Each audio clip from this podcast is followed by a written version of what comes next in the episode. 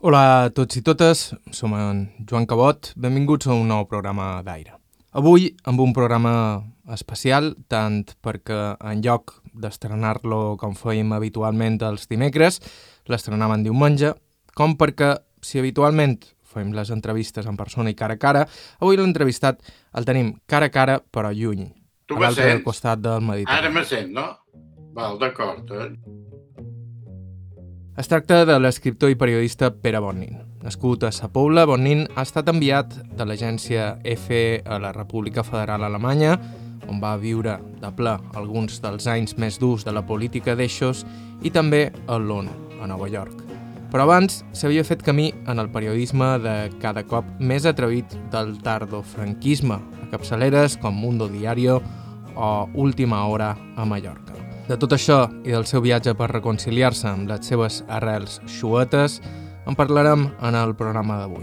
Estau escoltant Aire a IB3 Ràdio, us parla Joan Cabot. Comencem.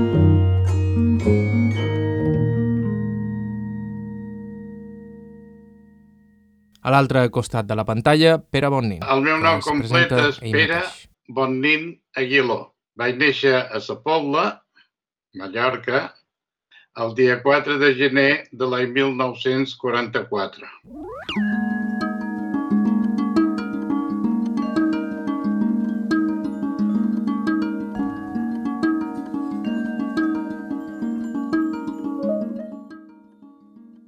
A casa seva eren quatre germans i ell era el més petit. El meu pare era família comerciant i a més tenien una botiga, o sigui, comerciant de productes del camp. I, i tenien una, una botiga, diríem, de, eh, que abans els deien ultramarins, però era una botiga normal de, de poble. La botiga aquesta la varen començar quan se varen casar. I jo tenc un germà, el meu germà major, és 10 anys més gran que jo. Per tant, si treus comptes, veuràs quina època era. O sigui, aquestes, aquestes botigues modernes no existien. Però, a més de ser comerciant, actiu, era un home que, que més era actiu a, a la comunitat, també, perquè quan havia acabat totes les feines del dia, que s'aixecava a les 5 de, del matí, i tenien la botiga estava, estava oberta des de, des de que sortia el sol fins, a les 11 de la nit. Però així i tot, quan havia acabat totes les feines, donava classes en els pagesos i els ensenyava de llegir i escriure. Ell havia estudiat amb els frares, que eren el, el germà Pau, el hermano Pablo, que, que, que li deien, que eren els francesos que després van marxar de, de Mallorca, però vaja, eh, eh, sí, era un home, un home format, tenia molt bona lletra, feia cal·ligrafia molt bona, parlava francès, o sigui que diríem tenia, tenia una certa cultura. Un amic meu que malauradament ja és mort, que Antoni Caimari, un dia me va dir, di- diu, diu, a mi sempre me cridava l'atenció que a teva hi havia llibres. I això que tenia un germà capellà, tenia un altre que, que, va, que va arribar a ser, a ser metge i això, però allà, diríem, no eren els pares que, que, que llegissin això ni sa mare, sinó que eh, eren els al·loc que tenien llibres de text. Però no, a, a casa meva mon pare llegia. I mon pare, per exemple, vespres d'hivern estaven davant, davant la foganya i, i em llegia les rondades d'en Jordi del Racó. I els meus germans, que eren majors, també. I a més, el meu, mon pare tocava el violí. I, i els meus germans me conten que eh, se dormien eh, eh, en el violí que, que, que tocava mon pare. El predí mm, també tocava la banda municipal i un oncle també tocava la, banda municipal, man, de manera que, que hi havia, diríem, un cert ambient cultural. A més, un germà de, de mon pare, eh, el major, era capellà i era un gran predic- predicador, Miquel Bondín. I, i bé, eren, diríem, una, una família no rica, però sí culta. I potser no eren rics, però com moltes de les famílies de Sa Pobla, els Bonin varen aconseguir esquivar els devastadors de efectes no, perquè li deien els rebots de Mallorca perquè eren, era un poble de, de pagesos. Però, diríem, de la guerra sí va, va arribar per allà, o sigui, varen, varen tancar alguns uh, poblers allà a Can Mir.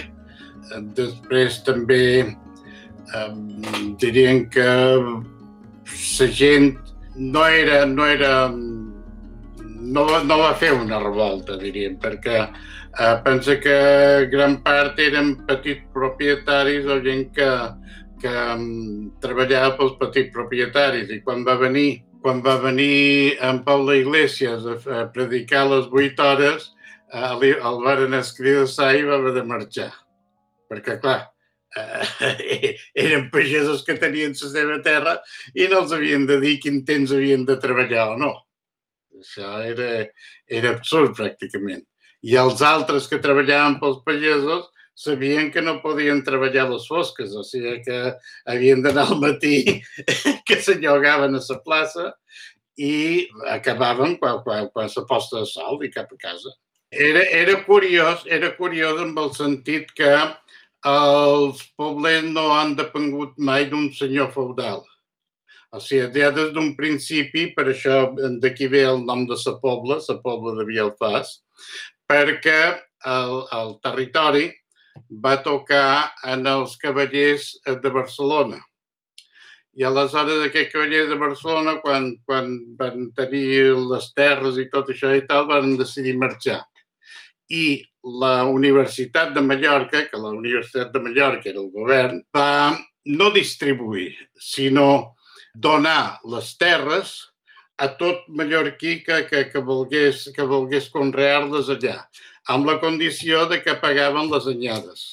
O sigui, anar, anava pagant amb les anyades. I d'aquesta manera hi va haver molts que, que es feren propietaris. Naturalment, això també va, va dur que alguna gent doncs, va poder comprar més terres o després a través d'herois i això i tal unificaren unificaren més finques i hi havia, diríem, unes quantes famílies que tenien més terres que els altres.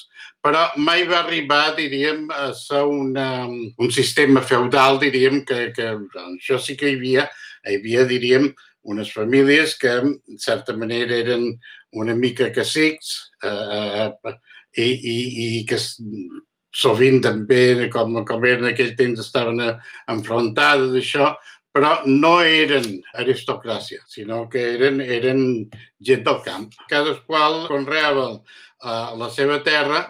Normalment uh, el que feien era quan uh, qui, qui no podia pagar a, a, a gent llogada que, no, que, que quan jo era petit venien de fora per, per treure patates i això, uh, el que feien era que s'ajudaven uns, uns amb els altres.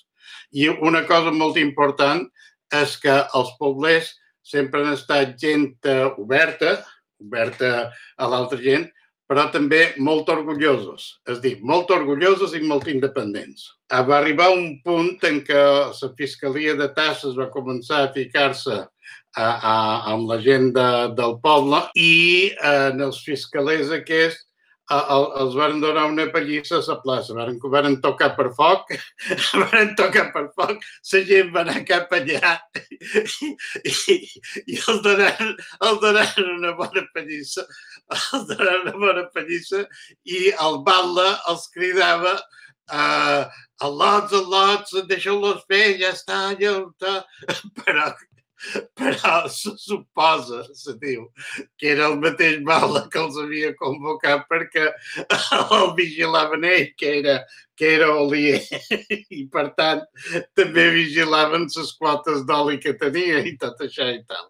I res, jo, eh, quan vaig tenir de 100 anys, això que ja, ja, ja escrivia per, per, per l'última hora, 16 o 17, eh, per l'última hora, me vaig trobar amb un d'aquests fiscalers que tenia un hotel en esport, de, en esport del Cudi i, i m'ho va explicar i me va explicar que no havia tornat a anar, que queria avançar i fer una tira, bé, una tira d'anys, un 20 d'anys, no havia tornat a a, a, anar a la pobla. Però el que va passar ser molt curiós i és que en aquella època l'amo de Mallorca era el capità general.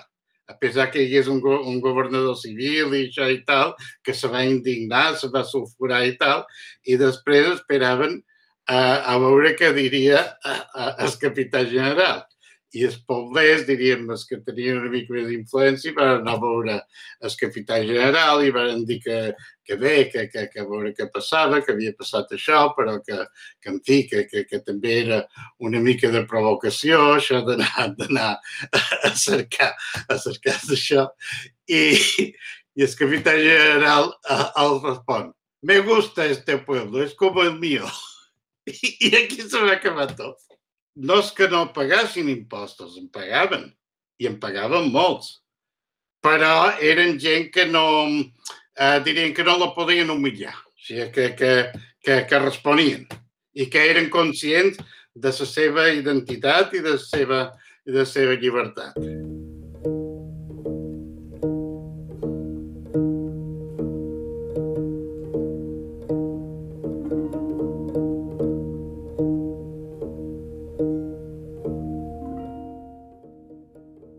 Va ser en aquell entorn en què va créixer Pere Bonnin, que recorda la seva infantesa com uns anys de jocs, encara que alguns d'aquests jocs tingués conseqüències que en alguns casos anaven bastant més enllà Bé, per una banda, per una banda, diríem, era una infància de, de jugar pel carrer, de jugar a futbol, que cridàvem i això, i sobretot a l'hora de, de, sa, de sa siesta, i les madones obrien la finestra de, de, de, del balcó i mos tiraven aigua perquè mos anàssim i mos anàvem a un altre lloc. I després també record que fèiem com una espècie de pandilles i jo pertanyia a la pandilla dels escolans, que era escolanet.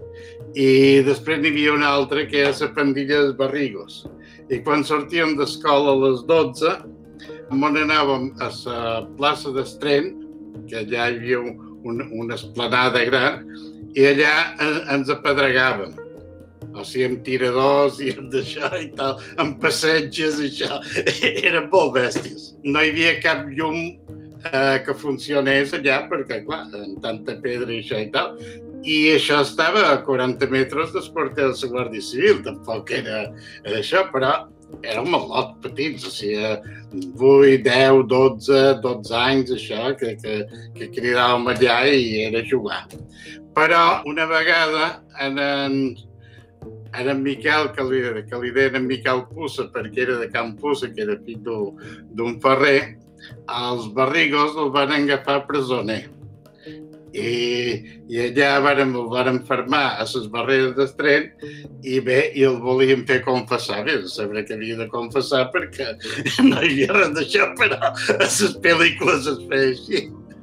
A les pel·lícules es feia així.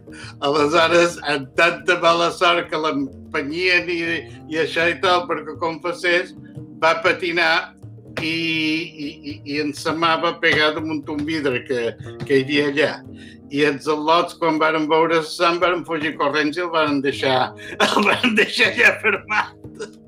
Les mares, clar, havien, havien, eh, eh, no havia arribat a dinar perquè normalment era de les 12 a la 1. A la 1 tot, tothom a casa seva i a les 3 tornava a començar l'escola. Per tant, aquest lot no, no, havia, no havia arribat a casa, a les 3 havia de tornar a escola i, i, no, i no havia arribat, i, i clar, tots d'una, els pares, eh, els surats, se'n van anar a la Guàrdia Civil a veure què, què passava i tal. I al final, de les 4, el van trobar fermat allà a les barretes d'estren. Hora del rosari, perquè eh, en aquella època, més de servir missa, els escolans també també resaven el rosari així conjunts. Després d'haver acabat a, a, a resar, estàvem a la sagristia i arriba el cabo, però només hi havia un cabo, o sigui, un caporal, un cabo i un, i un número, que, que els deien d'aquella època, ah, i el rector, el rector que, que era eh, don Jaume Vallès, el don Jaume Vallès. Aleshores, Escavo va dir que si tornàvem a anar per allà, que mos duria tots a la presó. I, i nosaltres, tot, totalment acollonits, no hi, va, no hi van tornar més. Però al cap de X temps anàvem a, a, a lluitar amb altres en l'esplanada que hi havia a la clínica, a la clínica de Can Duet, que ara, que ara em sembla que és un, és un casal d'avis. I allà lluitàvem amb espases. Hi havia espases fetes de fusta, que aquestes se rompien molt ràpid, i després hi havia, hi havia espases fetes de, de fulla de fas, o sigui, de, de, desfacer, que aquestes sí que duraven i pegaven fort una de les vegades que érem per allà, que, que havia, hi va haver tan, tan, mala, tan mala sort que a un al·loli van treure un ull d'una espasa d'aquestes i, i aquí se va quedar. O sigui, la cosa, cosa ja, ja no, no hi van tornar fos. Però tot això s'entén, tot això s'entén per l'ambient postbèl·lic que hi havia, eh, diríem, a causa del règim. O sigui, Espanya era un país de militars i capellans. I, i a la ràdio doncs, doncs inflamaven eh, contra rojos i contra tal, contra qual, per tant, eh, eh, érem, nosaltres érem, nosaltres érem, diríem, a reflex de la violència del règim. Hazañas bèl·liques, que, que, que era, eh, això se, se llegia molt, el guerrer l'antifàs, eh, era, tot, era tot això. I els telediaris doncs, també eren, eren molt, molt així, molt agitadors i tal. Era l'escriptor i periodista Pere Bonin. En uns segons continuem amb la seva història. Serà després de la pausa.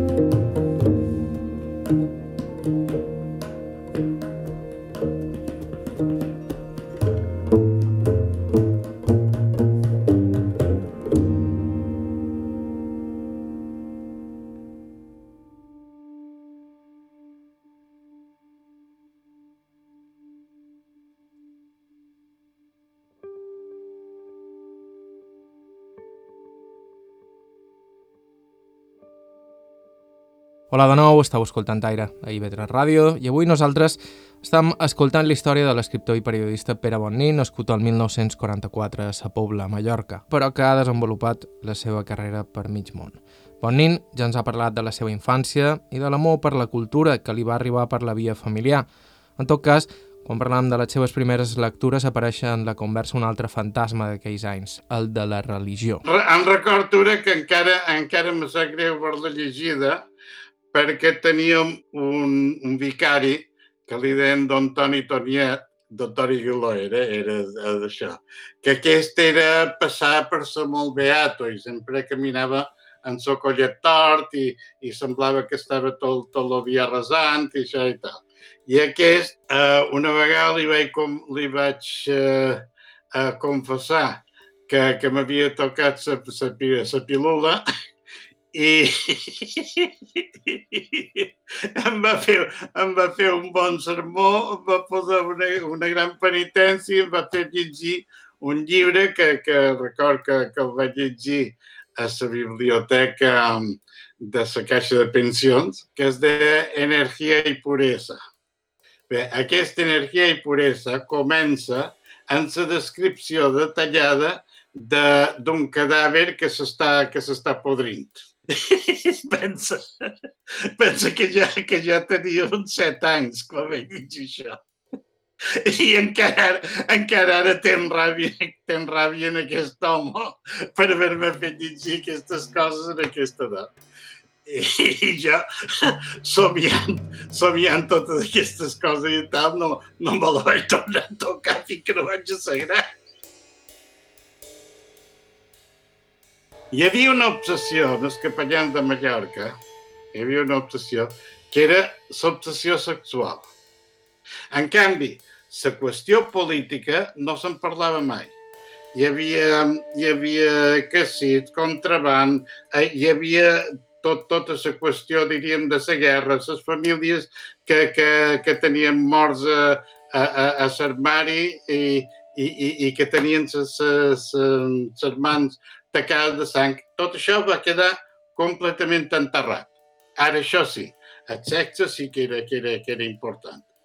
I jo me vaig donar, un, un, com, va ser com una espècie de, de revolució quan vaig arribar a Barcelona, i era un, una persona molt devota i catòlica i això i tal. Pensa que ja, ja tenia, tenia un, uh, un, dos, tres, quatre oncles capellans, una tia monja i, diríem, altres ties beates que servien a l'església i tot això i tal. Per tant, era una família d'això i tal. I el meu germà major també va ser capellà i va ser eh, doctorat en teologia per la Universitat Gregoriana de Roma i tal, o sigui que, eh, diríem, era una família catòlica, diríem. Bé, doncs, a Barcelona el capellà comença, comença a parlar d'injustícia social, de tal, de qual, de qual, de qual, i no anomena per res sexe. I per mi va ser, va ser una, una revolta, una revolució, perquè jo, jo considerava, considerava que el catolicisme pràcticament se reduïa en això, a l'entrecuix. Després vaig veure que m'havien enganyat, però, però vaja, així, així va ser. I no te pots imaginar lo terrible que va ser la pubertat amb aquest, amb aquest sistema. Gairebé per aquella època, ell ja havia començat a exercir com a periodista, encara que només fos de forma aficionada. De fet, jo vaig començar a escriure eh, molt jovenet, o sigui, jo, jo, jo feia, eh, quan era, eh, vaig ser, no sé si li deien president o no sé què li deien, dels aspirants d'acció catòlica. I aleshores allà fèiem un periòdic que, que el penjàvem a, a, allà que es de, es de El Chafardero Indomable. Aleshores posàvem quatre notícies, posàvem dibuixos i tal i qual, i jo, i jo feia aquest, aquest, aquest periòdic. De manera que me venia de, de molt antic. Pensa que jo, quan encara no havia fet la primera comunió, ja me sabia tota la missa en llatí i jo servia la missa i encara, encara no arribava a saltar major. Una vegada, dues vegades me va caure el missal damunt perquè, perquè no, no hi arribava. I, i jo contest, contestava eh, eh, i la doctrina, la doctrina també també la, la sabia en llatí.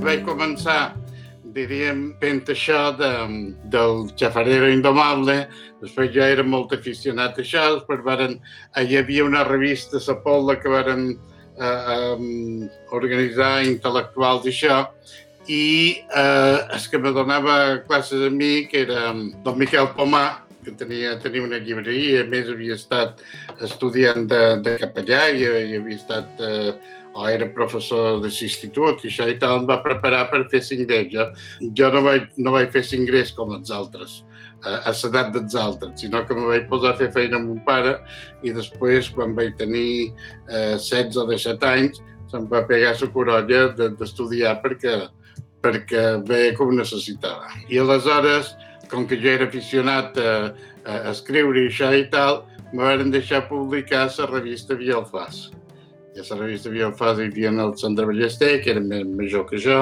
i hi havia, diríem, molts altres que, que col·laboraven. I aquí va ser quan me vaig entrar. I després me van demanar si volia fer de corresponsal de l'última hora. I és que el delegat, diríem, d'Inca va contractar per fer corresponsal a l'última hora. Jo vaig fer eh, per l'última hora el primer quadernillo, diríem, el primer suplement dedicat a les festes de Sant Antoni a la Polva. I l'any següent ja, ja tenia la corresponsalia de, de l'última hora i la corresponsalia de, del diari de Mallorca. Per tant, ja m'havia convertit en una agència, en una agència de notícies locals. Llavors també vaig fer un, un quadernillo per, per, per Diari de Mallorca, o sigui, per, per dos. I el que jo no sabia és que era una cosa que després, després ho vaig descobrir. I és que per poder fer el quadernillo me van demanar que els, donava, que els dugués anuncis, perquè havien de pagar a, treballadors, diríem, a part, o, per les hores extres, i per tant necessitaven anuncis. Jo els vaig dur anuncis, ho unien els altres, però el que jo no sabia és que me donaven el 30% a mi. i amb aquest 30% dels anuncis que havia fet em vaig poder pagar el primer any a la Universitat de Barcelona. Perquè, a més, mon pare no volia que, que jo estudiés. No volia que... No, per què? Perquè ja m'havia ficat en el negoci, perquè eh, eh, estava d'això i va ser, va ser una tallada, una tallada en sec que ja, que ja me podia estudiar. Llavors mon pare ja, ja havia ampliat una mica més i això i tal, i, i, i bé, i jo estava destinat a, a, a dur negoci, però me va pegar aquesta corolla i per no dependre de la família, bé, per menjar i això sí, però diríem per gastos eh, normals, jo donava, era prefecte en el col·legi Ramon Llull. I llavors ja me van donar, jo encara, encara feia el batxiller, o sigui que jo vaig fer el batxiller eh, en tres anys, o sigui, eh, eh, de, de, d'això. M'examinava juny i setembre, juny i setembre, i això. I mentre estava estudiant eh, el batxiller, donava classes eh, en el col·legi Ramon Llull.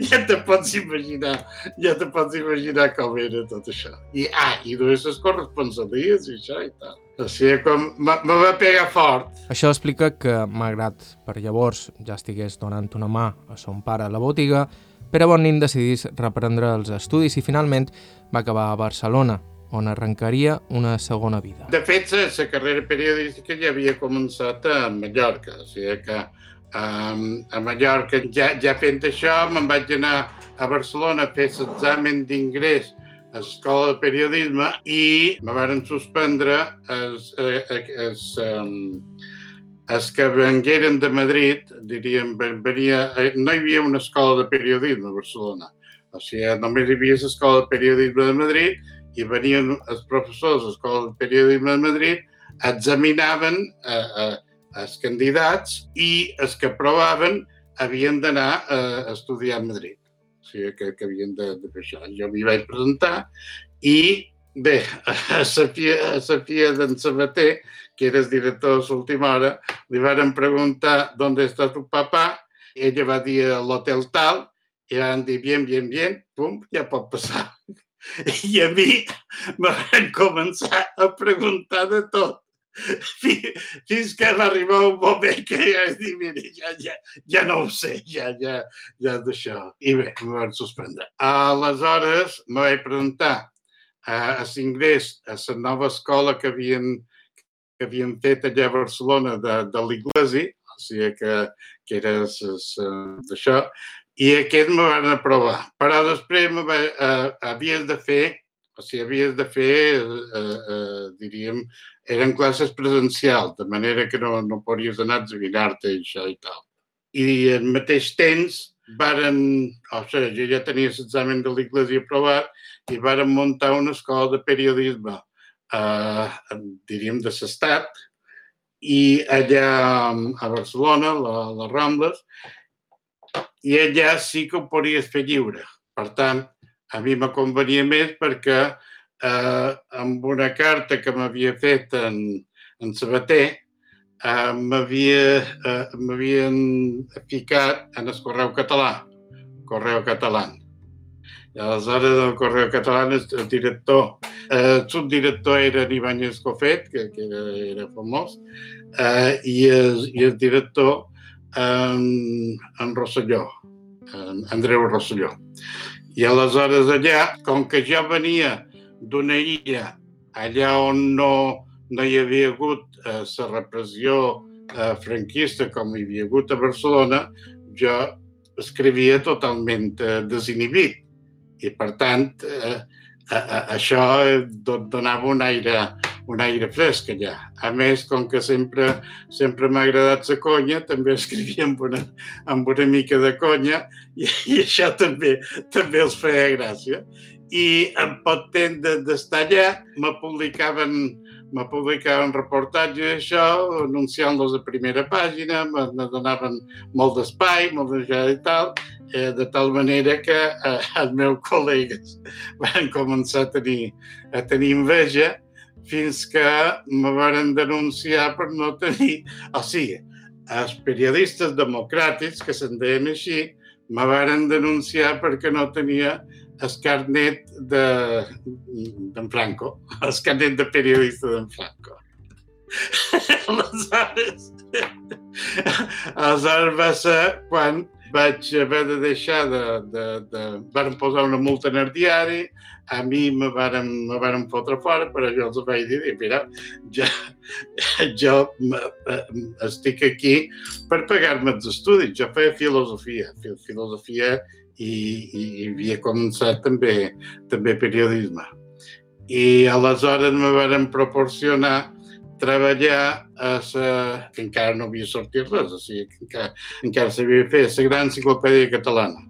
Aleshores, la gran enciclopèdia eh, catalana treballava jo a casa del Mas Caner, que tenia una gran biblioteca i que havia fet una, una gran feinada amb una lletreta molt petita perquè s'havia anat a tots els pobles i llogarets i això i tal, i en els mapes del servei militar de, de topografia i el eh, que ell havia escrit, més llibres que hi havia això i tal, ja feia articles de pobles. Fins a la lletra C, que va ser quan eh, eh, l'enciclopèdia va voler ampliar-se, van llogar un, una espècie de, de palauet a Teodora la Madrid, per allà, per, per, per, per aquella zona. La caixa que finançava part de, de l'enciclopèdia després d'haver-se arruïnat amb Mascaner per fer, per fer l'enciclopèdia, doncs eh, la duem, o sigui, un, de, un des, dels consellers delegats era, o els consellers delegats eren Jordi Pujol. I a Madrid volien obrir una, una sucursal a Madrid i a Madrid els van posar com a condició tancar l'enciclopèdia. I aleshores, per obrir la d'aixones, a la sucursal de Madrid, van suspendre l'enciclopèdia. I tots els que eren mallats intel·lectuals i això i tal, van fer vaga, van dormir a damunt les taules allà una nit, i però res, o sigui, ja, ja se va tancar i se va acabar i que d'un dos anys o tres van tornar, van tornar a refer. Amb en Pere, entre els intel·lectuals que es varen quedar al carrer, hi havia... En Víctor Ferro, l'Enric Lluc, i el seu germà, l'Ernest Lluc, i bé, i moltíssim, moltíssim d'aquella gent que després arribaren a, a triomfar per altres, per altres camins. Ell també trobaria el seu. Estau escoltant Aire a IB3 Ràdio, fem una breu pausa i continuem.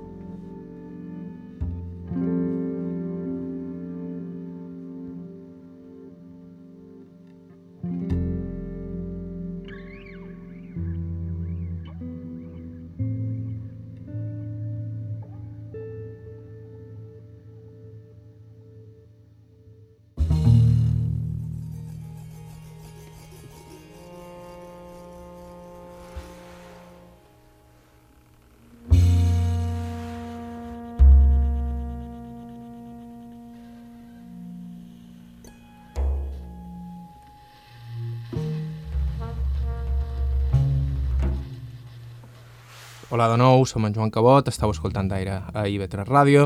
Abans de continuar, vos recordam que la millor manera de no perdre's cap episodi del programa és subscriure's al nostre podcast, ens trobareu a totes les plataformes habituals. I també recordar-vos que contínuament estem cercant testimonis interessants, gent que ens pugui parlar de com eren les coses abans, o que hagi viscut fets insòlids, o simplement personatges amb històries de vida interessants. Si teniu qualsevol idea o qualsevol suggeriment, ens podeu escriure a aire.ib3radio.com, aire.ib3radio.com o deixar-nos un missatge al 971 13 99 31. El protagonista del programa d'avui és el periodista i escriptor pobler Pere Bonnin, algú que va néixer el 1944 i que ja de ben jovenet es va introduir en el món de la premsa, un món que encara va conèixer més de prop durant els darrers anys de la dictadura de Franco, que van ser precisament els anys del seu ascens fins a redactor en cap de Mundo Diario i del setmanari Mundo. La història va un poc així. En Sebastià Auger va comprar el Diario Femenino i, i va comprar el, semina, el setmanari Mundo. Llavors, el Diario Femenino volia fer un diari per, per, per gent gran, que després va, va ser va ser el, el Mundo Diario. Aleshores, ell que, que era de l'Opus, els seus companys que eren ministres de l'Opus no li deixaven canviar, canviar el nom.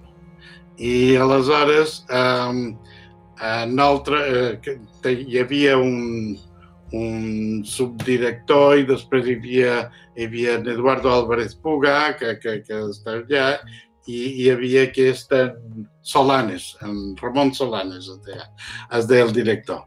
Aleshores, aquesta gent, diríem, era una mica més, més oberta, més d'això, i sobretot eh, molt eh, actiu, molt, molt d'això, era en Álvarez Puga, que després va ser director de, del seminari Mundo. Només hi teníem una agència, que era l'agència Cifra, que era l'agència oficial, i donava, diríem, propaganda de, de, del règim. Això era lo, lo, lo que la major part de, de, de teletip que canviaven era això. Bé, doncs nosaltres el que fèiem era posar un abans títol per desfer pràcticament la notícia. De manera, de manera que posàvem el títol que, que corresponia a la notícia, però l'abans títol, si tocàvem fotre-se, no fotíem. Era això. I va, va arribar un moment en què eh, va començar a augmentar la tirada de, de, de, del diari. I els, els executius catalans, perquè no els haguessin llegit el diari dins el metro, els autobús, els d'això i tal, el posaven dins la vanguardia, llegint el diari femenino, però en la vanguardia oberta. Va, eh, va, va arribar a hores de Madrid. Ella va a Madrid, va decidir salomònicament que això s'havia d'acabar. I ens van prohibir posar abans títols. Mira quin absurd. O sigui, fora, fora abans títols. Però això ja en aquell, en aquell moment eh, vam fer en Álvarez Puga, director de, eh, de, de Mundo, setmanari, setmanari Mundo, i me va agafar a mi per, per dur per ser el redactor en cap de, de política i de cultura sí, política nacional i cultura. I, i així va ser quan, quan vaig passar, diríem, de, del diari aquest al, al Seminari Mundo, que allà va ser on sí que vaig treballar força, força per eh, per la transició, diríem, que, que no, no, no, era un engany, però, però vaja, nosaltres, nosaltres ens ho creiem. Per exemple, eh, varen fer un decret sobre les llengües vernacles. I en aquest decret de, de les llengües vernacles, jo com a, com a de, mm, cap, eh, redactor cap de política, vaig encarregar i el vaig publicar un article en català, en, en bable, en, en euskera i en gallec se van posar rabiosos perquè no s'ho esperaven. No s'esperaven. O en les llengües, en les llengües que hi havia, que hi havia a Espanya i en el Balde encara els van emprenyar més, però és que hi havia, hi havia fins i tot una acadèmia de, de llengua Balde, que és l'aragonesa. I, i se posar, van posar rabiosos. Una altra, una altra cosa que també uh, mos va, va passar i és que jo, jo no sé qui ho va posar en això, podria ser, podria ser una rata, podria ser posada amb mala intenció. A un article va sortir l'expressió la malícia nacional i se referia a l'exèrcit. se referia a l'exèrcit. I llavors tens a, a, a capitania declarar de que això podria haver estat una rata que amunt i que avall i que tal, i van emprenyar. Però quan realment ens van tancar per quatre, bé, per, per més mesos, o sigui, mig any tancats. Era quan van publicar, quan van fusellar en Puig Antic, teníem nosaltres en Montoto, que era fill d'un coronel, i, i aquest va aconseguir, a través de les seves relacions, a assallar en el fusellament d'en de, Puig Antic. Aleshores va escriure unes sis o set pàgines, unes sis o set pàgines descrivint perfectament tot, tot, el que, tot el que ja havia passat i i tal va intervenir el papa, va intervenir els països estrangers, va intervenir tal, i, l'ambient era tan calent que aquestes set pàgines la van reduir a una columna, a una sola columna. Varen publicar això i descat de poc temps ens varen suspendre la publicació de Mundo amb l'excusa de que havien publicat la Icorrinya a la primera plana. Però la Icorrinya ja l'havia publicat a ABC. Per tant, la, la raó, la raó principal era aquesta punyetera columna que els havia tocat els aus i, i que no, que no, no deia res, eh? simplement, simplement se, se, ho, ho escrivia. Però tothom sabia que, bé, tots això, sabien que nosaltres teníem una persona allà dins. I aleshores me'n van això. I això va ser la gran frustració de la meva carrera periodística, perquè va morir en Franco i ja no vaig parar ni donar la notícia, ni treballar, ni res, ni res d'això. O sigui que, que, ja estava tancat. No, no, no tenia, no tenia per. Amb una salvetat i és que tres anys abans jo ja havia fet fer allà en el, en el diari Femenino, que després se va convertir en Mundo Diario, ja havia fet fer les taules preparades de tota la biografia d'en Franco, tot el tal, de tot el que havia fet, de totes les protestes, de tal, de... Bé, eh, diríem tot, tot el, el, el, el suplement que només li faltava posar la notícia. I per tant, tot això, tot això ja estava fet. No sé si altres diaris ho tenien en això, però nosaltres ho teníem ben amagat, tres anys, i a més havien amenaçat que qui, que qui tingués aquestes coses anaven directament a la presó. I bé, ho, ho, van, ho, van per, ho van per usar sense tocar res, o sigui que estava, estava tot, tot perfecte. De manera que jo no, no vaig assajar, no vaig poder viure això, però almenys havia deixat la meva petjada. Ser del setmanari Mundo que Pere Bonin pegaria el vot a l'agència F, on al principi el van tenir un poc castigat, però finalment acabaria ocupant llocs de gran importància com a corresponsal a Viena, per exemple. Va arribar un moment, arran d'estar de, de, suspesos d'això, doncs, esclar, la revista va, va, va començar a anar a anar malament això, perquè havia perdut subscriptors, havia perdut uh, tal, i, i aleshores va arribar un moment que a final de mes eh, Neuger no, no, no pagava. A través d'un amic d'en Álvarez Puga, era el corresponsal, de el delegat de l'agència EFE a França, eh, va dir que a Alemanya eh, necessitaven un, un redactor. Com que això sabia alemany, Aleshores vaig dir que sí, que, que jo, que, jo, que jo m'anava. I, I, de fet, sembla que era el dia 1 de gener de, de l'any 77, vaig eh, començar a, allà a, l'agència F. Aquells eren els anys en què semblava que el món, o una part del món, caminava a la fi, a la direcció correcta. També és cert que eren els anys de la política d'eixos i la Guerra Freda. Però malgrat tot, i segons Pere Bonin, el convenciment des de dins era que s'estava construint un món millor. No, de, de fet l'estàvem fent, o sigui, estàvem fent un món millor. A pesar de totes, de totes les, eh, les dificultats eh, que hi havia i això, eh, estaven millorant eh, la nostra situació. Però, quan te desviaves una mica, eh, ja, ja, ja tenies tot d'una la barrera posada. Això, per exemple, eh, allà a Alemanya ja tenien el problema, quan jo hi era, de, dels grups eh, terroristes Baat Mainov. I aquesta gent, en principi, no eren, no eren terroristes, sinó que eren, dirien, debatien ses, eh, eh, el sistema, el sistema de, de que no era prou representatiu, de que, de que la democràcia, eh, vull dir, la socialdemocràcia estava traint eh, els obrers i tot això i tal. I aleshores aquesta gent, emmirallada també en els països de l'est que desconeixien completament, eh, aleshores aquesta gent feia, feia les, les reclamacions.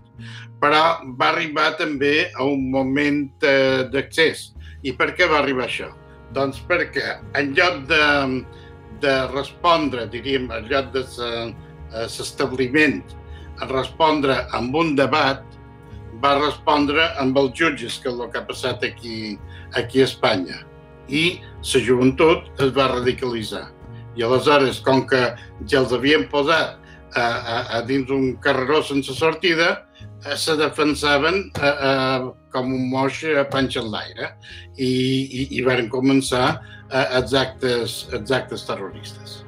Viena en aquella època era, eh, dirien, la frontissa de, de l'est a l'oest, perquè com que Àustria era un país neutral gràcies a en, a en Kreisky, que havia negociat amb la, amb la Unió Soviètica, aleshores allà s'hi reunien les ambaixades comunistes, les ambaixades capitalistes, les ambaixades tal, o sigui, i, i al front, al front hi havia eh, dos fronts, diríem. Entre aquesta guerra freda, que, que de vegades s'encalentia una mica, eh, entre eh, el capitalisme i el socialisme.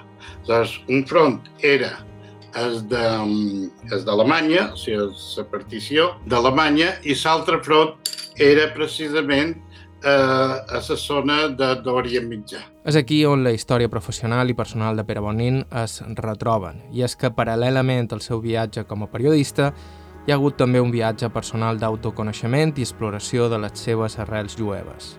Un viatge que s'inicia des de l'estigmatització que tradicionalment i des de petit, en el seu cas, han patit els xuetes a Mallorca. Si jo sóc jueu, eh, diríem si jo, si jo sóc jueu o descendència jueva o això i tal, eh, no, és perquè, no és perquè jo ho hagi volgut ser, és perquè m'ho han dit els altres. O sigui, quan, eh, a la primera vegada que vaig, que vaig insultar a una nina devia tenir d'haver dos anys, estava assegut en el portal de, de que meva i vaig dir a una nina eh, que, que estava allà a dalt i vaig dir xuatona. I, i mare, que estava despatxant, me diu, ai, que no calles! I jo ja vaig veure que havia ficat la pota. I perquè el xuat era jo. Bé, després de l'escola i això i tal, eh, t'estàvem senyalant, de vegades marginant, de vegades a defensar a, a la teva dignitat a, a cop de puig i bé, tot el que passa, el que passa en els al·lots. Jo no m'he convertit perquè quan van venir al Tribunal Rabínic aquí a Barcelona, que van fer investigació sobre xuetes i això, eh, jo vaig parlar i, i els vaig dir, diu, mira, jo no vull ser jueu, però ho soc. O sigui, tots, tots al meu voltant me diuen que som jueu. A més a més, me diuen, eh, me, me discriminen per a ser jueu.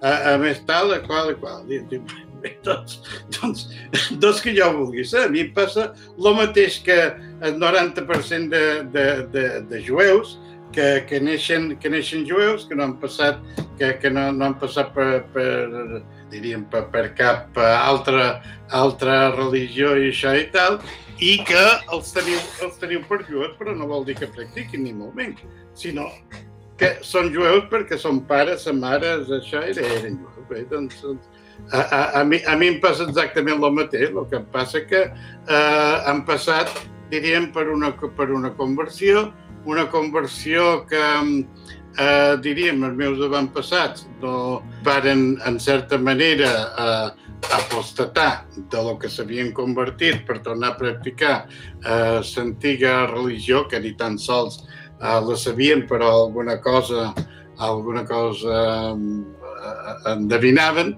i, i bé, i, i, i, i nosaltres eh, hem rebut tota aquesta, tota aquesta història i, i, i hem hagut de carregar els feix perquè eh, eh, eh, som descendents d'aquella de, gent, per tant, ja no sé, no sé què voleu més. I ara tenim un problema. A l'Iglésia Catòlica no ens volen perquè diuen que, que no se poden fiar en altres i eh, vosaltres no, no me'n voleu perquè resulta que els meus avantpassats se van convertir en, en el catolicisme. Ens trobam, ens trobam a un lloc de ningú. És des d'aquest lloc de ningú i ara, des de la jubilació, que Pere Bonnin ha publicat una quinzena de llibres, a més de traduccions tan importants com la de Die Balearen, de l'arxiduc Lluís Salvador. Li ve de petits, ell ja ho ha comentat abans, li va pegar ben fort.